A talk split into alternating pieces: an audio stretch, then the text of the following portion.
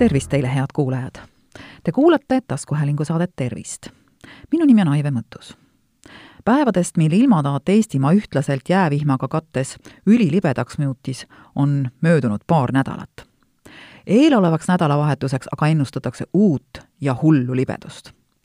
erakorralise meditsiini osakonnad ägavad aga samas ülekoormuse all püüdke ette kujutada kiirabiautode järjekorda, milles ootavad haiglasse sissepääsu koroonahaiged ning siis veel teist, poole pikemat rivi tänaval kukkumise tõttu trauma saanud inimestest.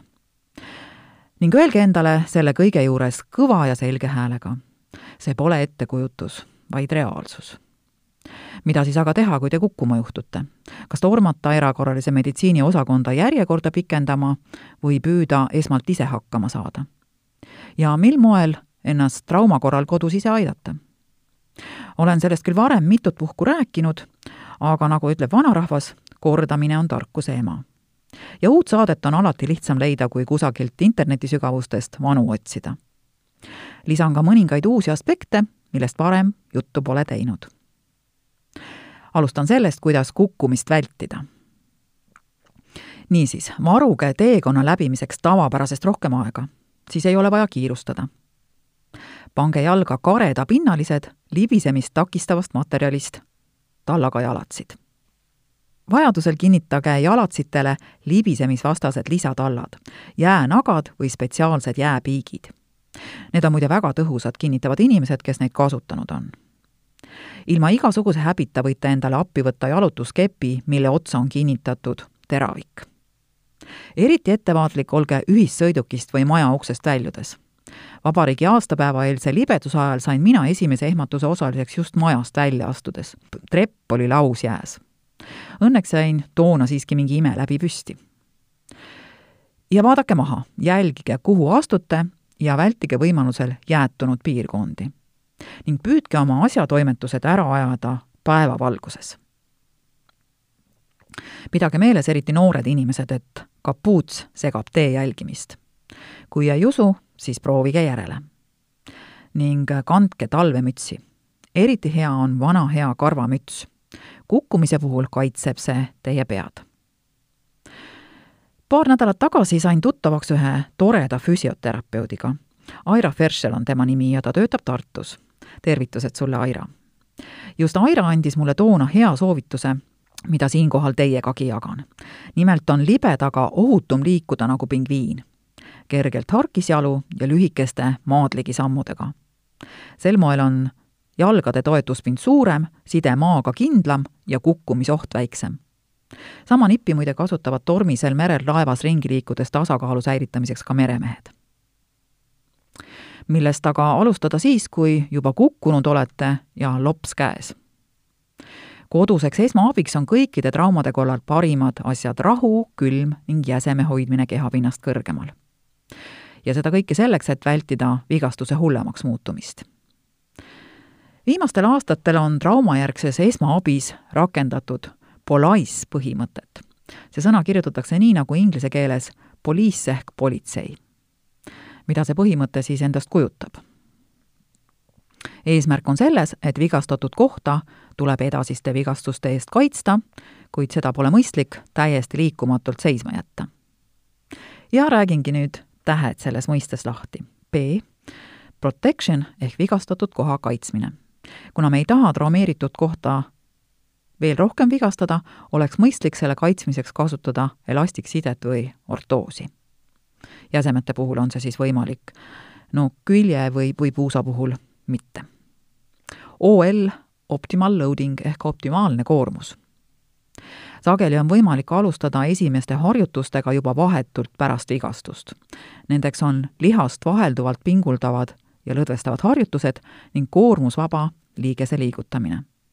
no lamate näiteks selili ja liigutate jalga põlvest või hüppeliigesest. liigutamise piiriks on valu, üle selle ei tohi harjutusi teha oluline on siiski anda samal ajal traumeeritud kohale rahu ja tavapärast koormust piisa-, piirata teha tuleks tõesti ainult hädapärased käigud. ja häbenemata võite vajadusel kasutada karke või keppi. Ai, ice ehk jää. trauma järel tuleb kiiremas korras viga saanud kohale midagi külma peale panna ja hoida seda seal korraga kümme kuni viisteist minutit. külm vähendab valu ja alandab turset. Samas tuleb hoolega jälgida, et külm omakorda valu ei põhjustaks. sestap ei tohi jääd mingil juhul asetada otse paljale nahale. vahele võib panna näiteks õhukese rätiku või elastiksideme. vastasel juhul on oht külmapõletuse tekkeks minuga on see ükskord elus kogemata juhtunud ja uskuge, see ei olnud meeldiv. Kodus võiks igaühel sügavkülmas olla kas korduvkasutatav külmakott või selle puudumisel ajavad vajadusel asja ära ka sügavkülmas olevad toiduained kui tegemist on tõsisemat sorti vigastusega, mille puhul on suur turse ja ka rahuolekus kestev valu, siis äh, võiks jätkata jää peal hoidmist iga puuri, paari tunni tagant järgmised kahekümne nelja kuni neljakümne kaheksa, isegi kuni seitsmekümne kahe tunni vältel, kui te just enne arsti juurde ei satu. Nii, järgmine täht selles äh, sõnas polais on ka ehk compression ehk siis eesti keeli surve. ja selle tekitamiseks sobib hästi elastikside, mille võib siduda siis mõistlikult tugevalt ümber vigastatud piirkonna. see aitab suurema turse teket ära hoida ja kaitseb kohta edasise vigastamise eest. ning viimane täht E, elevation ehk vigastatud koht tuleks tõsta kõrgemale no puusai saame ka parima tahtmise korral kehapinnast kõrgemale tõsta, aga näiteks hüppeliigese vigastuse korral on mõistlik lamada selili ja asetada jalg voodil padjale või mõnele muule kõrgemale alusele. ja seda ka öösel magamise ajaks. käe saab aga ilusti rätikuga kaela siduda. nüüd kuidas hinnata, kas kutsuda trauma korral kiirabi või pole üldse arstiabi vaja? Eesti Perearstide Seltsi koostatud juhendis on öeldud, et trauma korral, millega ei kaasne vigastatud kehaosa tugevat paistetust, kuju muutust ega liikumise piiratust, tuleks minna perearsti vastuvõtule. praegusel koroona ajal on siiski esmalt mõistlik helistada ja uurida, kas ning kuidas vastuvõtule saab võib juhtuda, et teid ära kuulanud perearst saab abi anda või ka vajalikke suunamiskirju väljastada telefoni teel ning te ei peagi füüsiliselt perearstikeskusesse kohale minema kui aga tegemist on värske traumaga, vigastatud kehaosa haarab äh, tugev turse, selle kuju on muutunud ja liikuvus piiratud, siis peaksite küll ikkagi erakorralise meditsiini osakonda minema, hoolimata sellest, et seal on praegu pikad järjekorrad. ning veel, kui teil on võimatu liikuda, raske hingata ja ülisuur valu, siis ei tasu oodata võtke ühendust häirekeskusega telefonil üks, üks, kaks või perearsti nõuandetelefoniga numbril üks, kaks, kaks, null.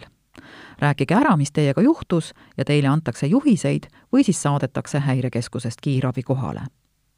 nõu küsimiseks peaksite helistama igal juhul ka siis, kui te ise oma olukorda hinnata ei oska, et kas see on tõsine või mitte kindlasti tuleb erakorralise meditsiini osakonda pöörduda juhul, kui traumajärgselt esines teadvuse kaotus, kui trauma saanud inimese orientatsioon ajas ja ruumis on häiritud, kui inimene oksendab, esineb jäsemete deformatsioon, kui tema silmade pupillid on erineva suurusega või tegemist on silmavigastusega, kui tunnete valu kaelas või teil on tugev nina-verejooks, mida koduste vahenditega peatada ei õnnestu või siis sügavad haavad, mis veritsevad. Pöördumise põhjuseks EMO-sse on kindlasti ka hingamisraskused ja väga tugev valu. kui olukord tundub kergem, deformatsiooni ei ole, tunnete haiget saanud kehapiirkonda, saate liigutada sõrmi ja varbaid ning need on normaalset värvi, siis pange vigastatud kohale külma peale, võtke valuvaigistit ning andke endale veidi rahu ja aega. ja jälgige, milline on trauma kulg oluline on siinkohal mainida, et valuvaigisti on lubatud ja seda peab võtma. Valu ei pea taluma, aga traumaga käib see alati kaasas. ning hea on teada sedagi, et organism on loodud nii, et ta parandab küllaltki suure osa vigastustest ise. peame lihtsalt looma selleks soodsad tingimused. Polais põhimõtte rakendamine sellised tingimused just loobki arstide universaalne soovitus traumade vältimiseks on see, et olge ettevaatlik, jälgige ennast ja ümbruskonda ning ärge tehke midagi, milleks te valmis ei ole. Ärge võtke ette riskantseid asju, üritage riske hinnata ja neid maandada. kui leiate, et libedaga õue minek on ohtlik, siis ärge minge õue. kui vähegi võimalust on. libedus möödub päeva või paariga ning siis saate taas oma asju normaalselt ajada. ja veel, viinakompressi ei maksa trauma korral haiget saanud kehaosale panna. sellest pole mingit kasu. küll aga võite nahka kahjustada, kui te viina veega piisavalt ei lahjenda. Saate lõpetuseks paar lauset ka sellest, kas kukkumisi on võimalik üldse vältida. no enamasti tuleb kukkumine meile ootamatult ja paljusid maha prantsatamisi tõesti ära hoida ei saa. midagi aga saame teha ometi. kõige olulisem on teha regulaarselt trenni, et luud, liigesed ja lihased oleksid heas vormis ning kukkumise risk oleks väiksem. tasakaal algab kehatöö lihastest.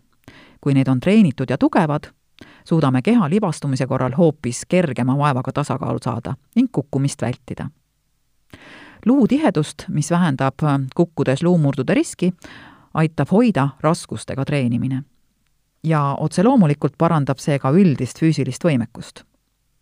ning raskuseks ei pea olema sugugi ainult kang, jõusaalid on meil ju hetkel suletud, eks ole. harjutuste tegemiseks piisab ka veega täidetud plastpudelitest.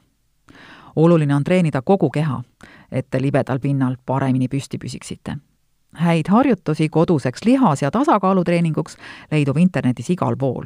otsige ja hakake harjutama. see ei võta teilt päevas rohkem kui kümme minutit ja nõuab tõesti vaid ainult järjepidevust. tulemused ei jää kindlasti tulemata. Samuti on oluline käia regulaarselt nägemis- ja kuulmiskontrollis, et vajadusel hankida kas kuuldeaparaat või prillid, mis võimaldavad teil end ümbritsevas keskkonnas kindlamalt tunda. ning kindlasti tuleb ka välja selgitada see, kas ravimid, mida te kasutate, võivad põhjustada pearinglust, nõrkust või tasakaaluhäireid. head kuulajad, te kuulasite taskuhäälingu saadet Tervist. saate leiate Delfi podcastide pesas tasku, nutirakenduste Spotify, Apple Podcasts, SoundCloud ja teised. hakake jälgijaks ja kuulake just teile sobival ajal ettepanekuid teemade kohta, mida saates käsitleda, ootan teilt e-posti teel aadressil tervist.maaleht.ee minu nimi on Aive Mõttus, olen Maalehe taskuhäälingu saate Tervist toimetaja. tervist teile!